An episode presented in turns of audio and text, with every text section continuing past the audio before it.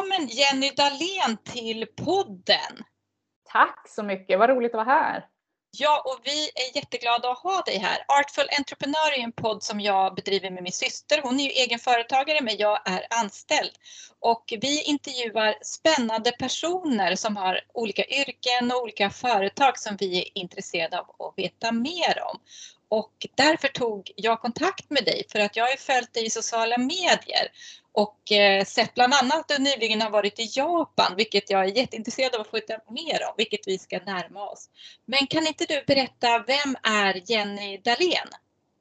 Ja, jag har drivit företag nu i två år och eh, det jag gör i mitt företag det är att eh, hålla kurser i att laga kläder bland annat. Och eh, jag har skrivit två böcker böcker om hållbart mode tillsammans med en tjej som heter Johanna Leiman. En bok som heter Slow Fashion och en som heter Klä barnen. Eh, och sen föreläser jag också om hållbart mode. Eh, och har även några uppdrag där jag är eh, expert eller sakkunnig inom hållbart mode. Så det är lite i stora drag vad jag gör. Ja, och en anledning till att jag blev intresserad av dig, det är att jag själv eh, handlar en hel del på second hand och just kläder och jag såg hur du just har workshops kring hur man kan utveckla just de här second hand-kläderna också när man lagar dem. Ehm, kan du berätta någonting om eh, vad, vad det är för speciell metod du använder dig av när det just gäller att laga kläder?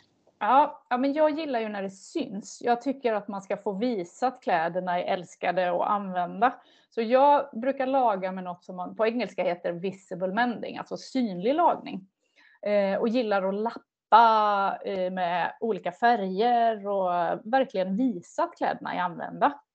Eh, och det finns lite olika tekniker, men det som jag är mest inspirerad av, det är faktiskt den här japanska estetiken det är därför också jag har varit i Japan just nu. Eh, det finns en broderimetod som heter sashiko till exempel. Eh, som är liksom ett traditionellt broderi, japanskt broderi, som man egentligen inte använder till lagning, men som passar väldigt bra att laga kläder med. Och eh, gamla japanska plagg som är lagade med borro, heter det. Eh, där man lägger lapp på lapp och plaggen blir bara vackrare och vackrare ju mer man lagar dem. Kan man väl säga. Så att, eh, ja, men jag gillar när det syns att man har lagat. Ja, och det här tycker jag utan att ha kunskap om det, men det jag har sett i sociala medier, dels har det blivit mer och mer populärt att handla second hand, men också den här synliga lagningen som du beskriver. Och det finns ju mycket inspiration. Jag har själv sett det här när man lagar porslin i Japan, så mm. visar man en tydlig var lagningen sker. Det är inte att det inte ska synas. Jag tänker det är samma i kläderna, att det ska synas att det är lagat och att det är liksom till Jag drar paralleller till broderi. Ja, precis. Och den här lagningsmetoden på keramik och porslin som du pratar om heter kintsugi och då lagar man ju med guld. Eh, och det är lite det jag försöker översätta till textil, att man verkligen förädlar det som man, som man lagar. Eh, och att man ja, men jag tänker att eh, man köper plagg som man verkligen vill ha, som blir favoritplagg och att man då vill göra dem bättre och bättre ju längre man har dem.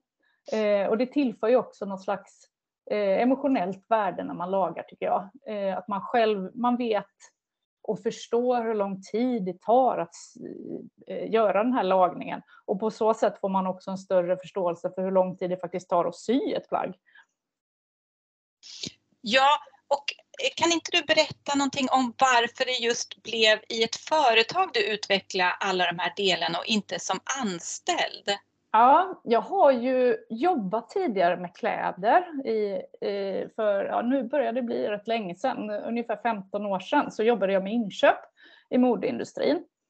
Eh, och jag är utbildad i eh, både textilt hantverk och eh, reklam och PR och har, har eh, jobbat i textil och modeindustrin Eh, men kände någonstans på vägen att eh, där jag satt, det, det jobbet jag gjorde på ett eh, större modeföretag, det, eh, ja, men det ledde liksom inte åt det hållet jag ville, utan jag kände att jag eh, eh, ville förändra, förändra modebranschen lite grann. I början handlade då förstod jag inte riktigt vad det handlade om, utan det var mer att jag kände att jag hade väldigt mycket kläder själv i garderoben. Eh, men jag kände att jag aldrig hade något att ta på mig. Eh, så att jag eh, ja, men började egentligen den här hållbara moderesan med att starta klädbyten. Och jag gjorde det tillsammans med några kompisar och vi gjorde det som en förening. Så att mitt engagemang började helt ideellt kan man säga. Och sen så har jag fortsatt jobba, inte i modeindustrin, men i ideell sektor. Så att jag jobbade på en liten förening som hette Medveten konsumtion, där jag var projektledare för Ekoguiden, där vi tipsade om hur man kunde hitta second hand-butiker och andra butiker som hade ett mer hållbart sortiment. Eh, och efter det jobbade jag på Stockholms Stadsmission med Remake och var eh, butiksansvarig för, för eh, flaggskeppsbutiken som vi hade ehm, så att jag har tidigare jobbat med de här frågorna som anställd, men kände att ja, men det, här, det här vill jag ta vidare och fördjupa mig i ännu mer. Eh, och för några år sedan, sju år sedan närmare bestämt, så eh, skrev jag och Johanna Leiman den här Slow Fashion, boken Slow Fashion. Eh, och då var jag fortfarande anställd. Eh, jag jobbade heltid och eh, skrev på fritiden och eh, det det var väldigt mycket jobb den perioden. Men jag kände att jag lärde mig så mycket av att skriva den här boken och att jag ville förmedla det till andra. Eh, så därför vågade jag till slut ta steget och, och säga upp mig och driva, driva det här på egen hand och få göra det som jag verkligen vill. Men, och vi ska även eh, länka dina böcker Slow Fashion och Klä barnen och även till din webb i poddavsnittet så att man kan läsa mer om dig, självklart. Ja.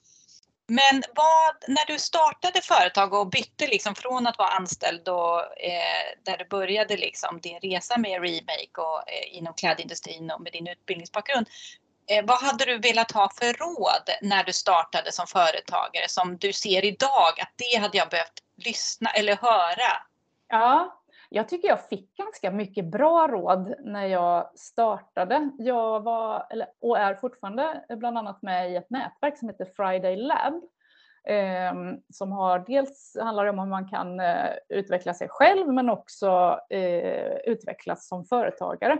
Så i det nätverket fick jag jättemycket, jättemycket bra tips. Men jag tänker att man behöver tipsen och råden i rätt tid, eller vad man ska säga. Man är inte alltid mottaglig för de tipsen.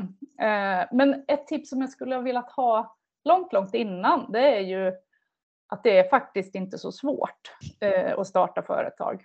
Eh, jag har inte haft så många runt omkring mig som har drivit eget och inte sett det på nära håll. Så det hade jag behövt höra eller kanske lyssna på långt tidigare. Eh, men då uppfattar jag det som att eh, du inte ångrar beslutet att bli företagare utifrån det du beskriver. Nej, jag tycker det är jättekul och väldigt utvecklande.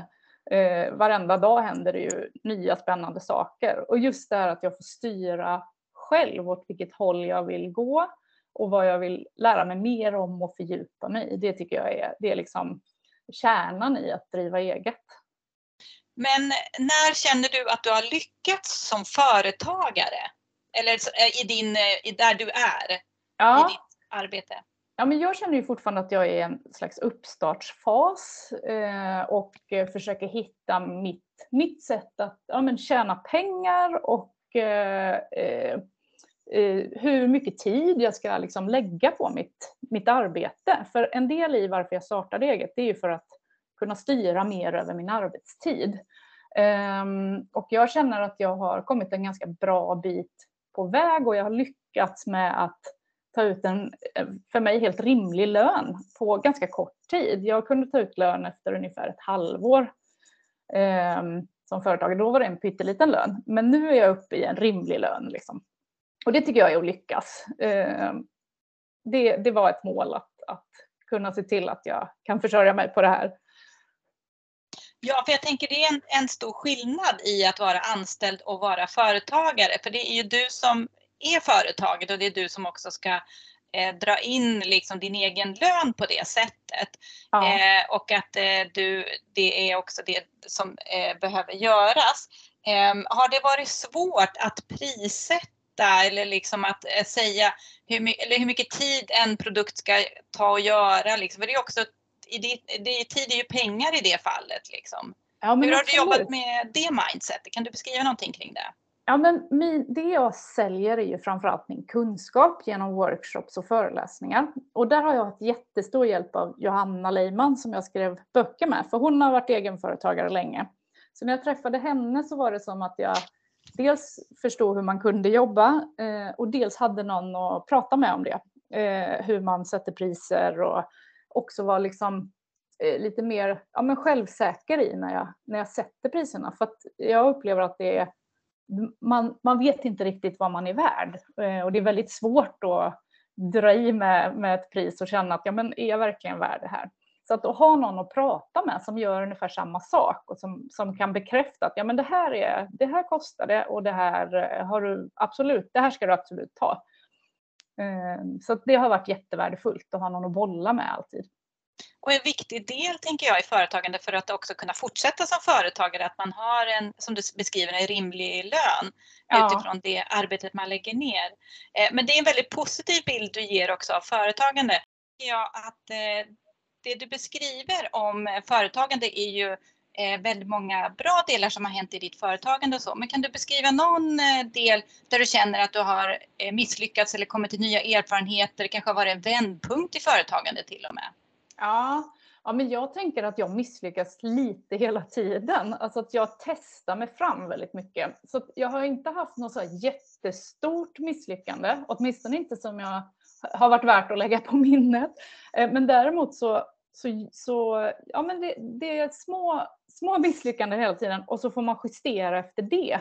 Så jobbar jag väldigt mycket och jag går mycket på känslan när jag, när jag jobbar. Ehm, så därför, ibland, ibland går det, ibland går det inte alls. Ehm, men då får man eh, testa vidare och sådär.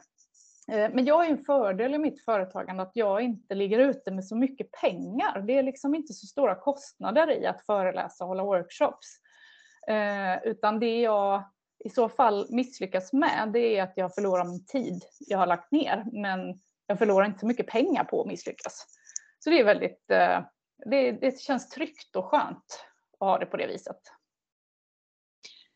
Ehm, ja, jag undrar också om eh, vad, vad ser du som eh, din målsättning med ditt företagande? För det vi kan se i ditt företagande utifrån det är ju dina workshops och föreläsningar och dina böcker du har gett upp och att du kan vara konsult i hållbarhetsarbete som företag eh, önskar ha hjälp med.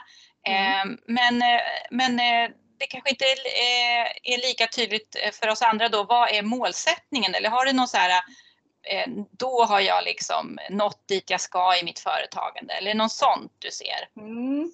Ja, men mitt mål är inte att växa jättemycket utan det handlar om att kunna försörja mig själv på det jag gör och ha en, ja, men för mig en rimlig lön. Jag vill komma upp lite till i lön eh, och sen vill jag ha en, en buffert i företaget så att jag känner mig trygg. Så att jag kan känna att jag har ett halvår eller ett år framåt och eh, ja, men känna, känna tryggheten. Liksom. Eh, men för mig är målet, målet att ha den här friheten för mig själv. Att jag själv kan bestämma eh, när under året jag vill jobba och vad jag vill jobba med. Eh, och just nu handlar det om att hålla workshops, hålla föreläsningar eh, och det känns jättebra, men jag känner att eh, jag kommer säkert ha andra mål om ett par år, för då behöver jag utvecklas och, och, gå vidare. Och det är det som är så himla härligt med det egna företagandet, att man själv kan bestämma åt vilket håll man ska. Eh, så att mål, målet just nu, stabil ekonomi i företaget och en, en trygghet framåt. Liksom. Eh, och, ja, och också eh, att inte jobba för mycket, utan jag vill eh, ha en rimlig arbetsbelastning, rimlig arbetstid och kunna också vara med familjen och göra saker på fritiden. Eh, är det någonting som skapar särskilda förutsättningar just att verka i din bransch kring remake och kring kläder som du ser att andra branscher har samma utmaningar i? Hur tänker du då?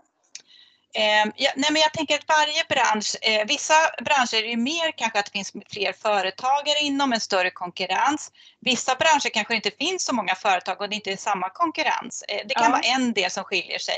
Eh, och vad är specifika förutsättningar för din bransch? Ja, men det är, eh, jag tänker att det är verkligen en bransch som utvecklas och det märker man ju på att det är fler och fler som gör det här. Men när vi skrev vår bok för sju år sedan, då var vi ganska så ensamma om att föreläsa om hållbart mode. Um, och, och nu ser man ju att det är många fler, vilket ju bara är positivt. Och det är väldigt kul att jobba med hållbarhet för att alla är så himla schyssta och hjälper varandra. Så det tänker jag är en speciell förutsättning i den här branschen.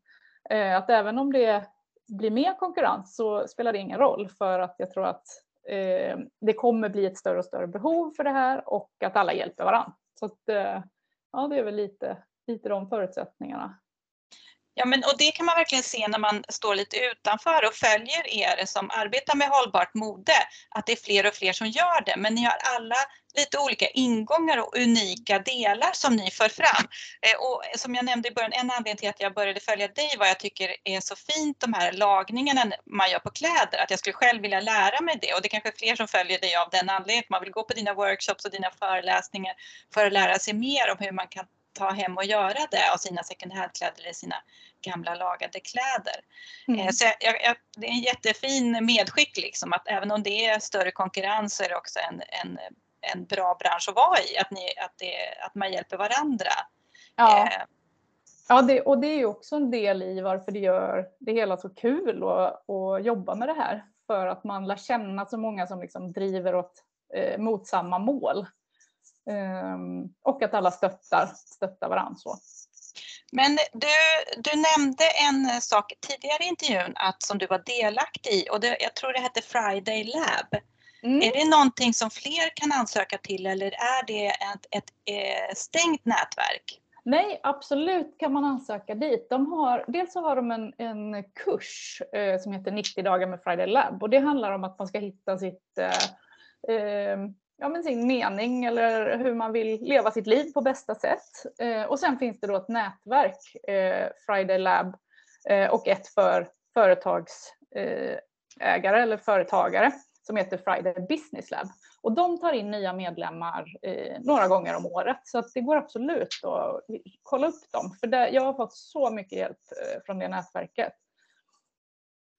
Ja, men vilket fint medskick eh, också att det finns stöd där ute om man är intresserad av att starta företag eller utveckla sitt företagande med kanske om man redan är företagare men känner att man behöver ta nya steg och ja. vill ha hjälp av någon. Eh, är det någon speciell inriktning med Friday Lab? Nej, man kan vara, man behöver vara kvinna eller identifiera sig som kvinna. Det är den enda, enda inriktningen. Men man kan jobba med precis vad som helst. Ja, men vad spännande. Vad roligt mm. att det finns sådana möjligheter. Eh, men sen så beskrev du i början av intervjun också att du har varit i Japan apropå möjligheter att se nya vyer. Eh, var ja. det ditt första besök i Japan? Ja, det var det. Eh, har varit där två veckor nu och eh, åkte dit för att jag fått ett stipendium eh, för att eh, titta på japanska lagningstraditioner. Och jag åkte dit med en kompis som också hade fått stipendium. Eh, så att vi, vi var på kurser i eh, Sashiko och eh, att färga med indigo och har tittat på, har varit på supermånga museer och, och inspirerande ställen. Ja, men det, det såg verkligen inspirerande ut. Det är rätt ord kände jag när jag ja. följde dig på sociala medier och tänkte all tekniker du lärde dig och du har möjlighet att lära ut genom workshopsarna. Ja. Men varför är det så att just i Japan att det här är så stort, de här eh, lagningsteknikerna? Ja, och det är roligt för att eh, jag tror faktiskt inte det är så stort i Japan som det har blivit här. eh, utan det, ja, men det, jag tror att Japan och Sverige har någon slags eh, systerskap eh, i eh, estetiken. Att vi gillar liksom det här lite avskalade, det fina, eh, det enkla. Eh, och att det är någonting med det som, som gör att vi i Sverige tycker att det är så, så vackert. Eh, och sen så eh, har de, men det är en väldigt lång tradition av att ta vara på, på det gamla och nötta.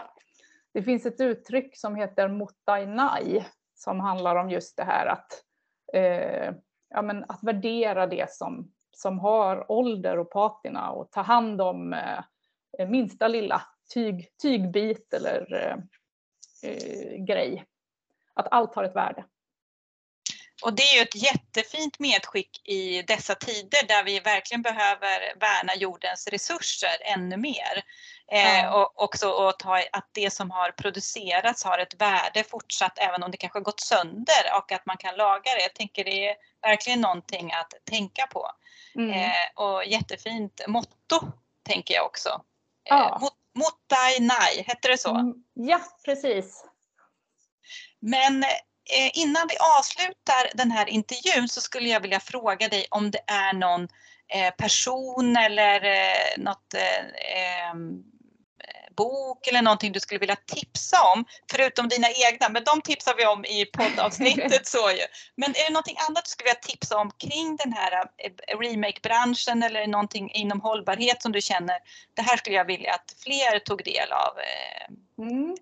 Eh, det finns en del eh, jättefina lagningsböcker på svenska. Bland annat har Kerstin Neumüller skrivit en som heter Lappat och lagat för några år sedan. Som är jätte, jättefin och väldigt eh, tillgänglig och lätt att börja med. Och vi har som också lagningstips i våra böcker, men om man vill ha en bok som bara handlar om lagning så är den jätte, jättefin. Så den kan jag verkligen rekommendera. Ja men jättetack. Jag, jag, följer henne med på sociala medier. Jag tycker hon är också väldigt rolig att följa just när det gäller lagningstekniker och så. så ja. det är väldigt inspirerande. Eh, men är det någon person du skulle vilja att vi intervjuade i podden som du skulle vilja skicka med, kanske förutom Kerstin Neumüller? Ja, ja men jag har en kollega här på mitt kontor eller min ateljé som heter Stina och hon är läderhantverkare och eh, driver ett företag där hon eh, producerar egna väskor här i, här i våran eh, ateljé eh, med svenskt läder. Ehm, och eh, hon är ja, jätteduktig och just det här med hantverket tycker jag är viktigt att lyfta. Så det skulle vara intressant att höra en intervju med Stina. Men tack för det tipset. Eh, det är jättespännande med de här olika branscherna som finns och också eh, som du eh, visar också vilka företag som man kan skapa bara utifrån en idé och liksom den kunskapen som du har. Mm. Så jag hoppas att det inspirerar fler av våra lyssnare att utveckla sina idéer på olika sätt, om det är som företag eller som anställd. Men mm. Jenny, vi börjar närma oss slutet på den här intervjun. Är det någonting du skulle vilja säga som inte har blivit sagt i den här intervjun? Ja, men det är väl det där rådet som jag själv önskar att jag hade fått långt tidigare, att det är inte så himla svårt. Eh, jag tänker att man behöver ta det alltid i små steg och att om man bara börjar eh, så blir det mycket lättare att fortsätta. Eh, så att inte, inte tänka för mycket, utan bara köra. Ja, bara köra. Inte tänka för mycket. Vi tar med oss det. Jättetack! Tack så mycket för den här intervjun Jenny. Du får ha en fortsatt fin dag. Tack själv, vad roligt att vara med.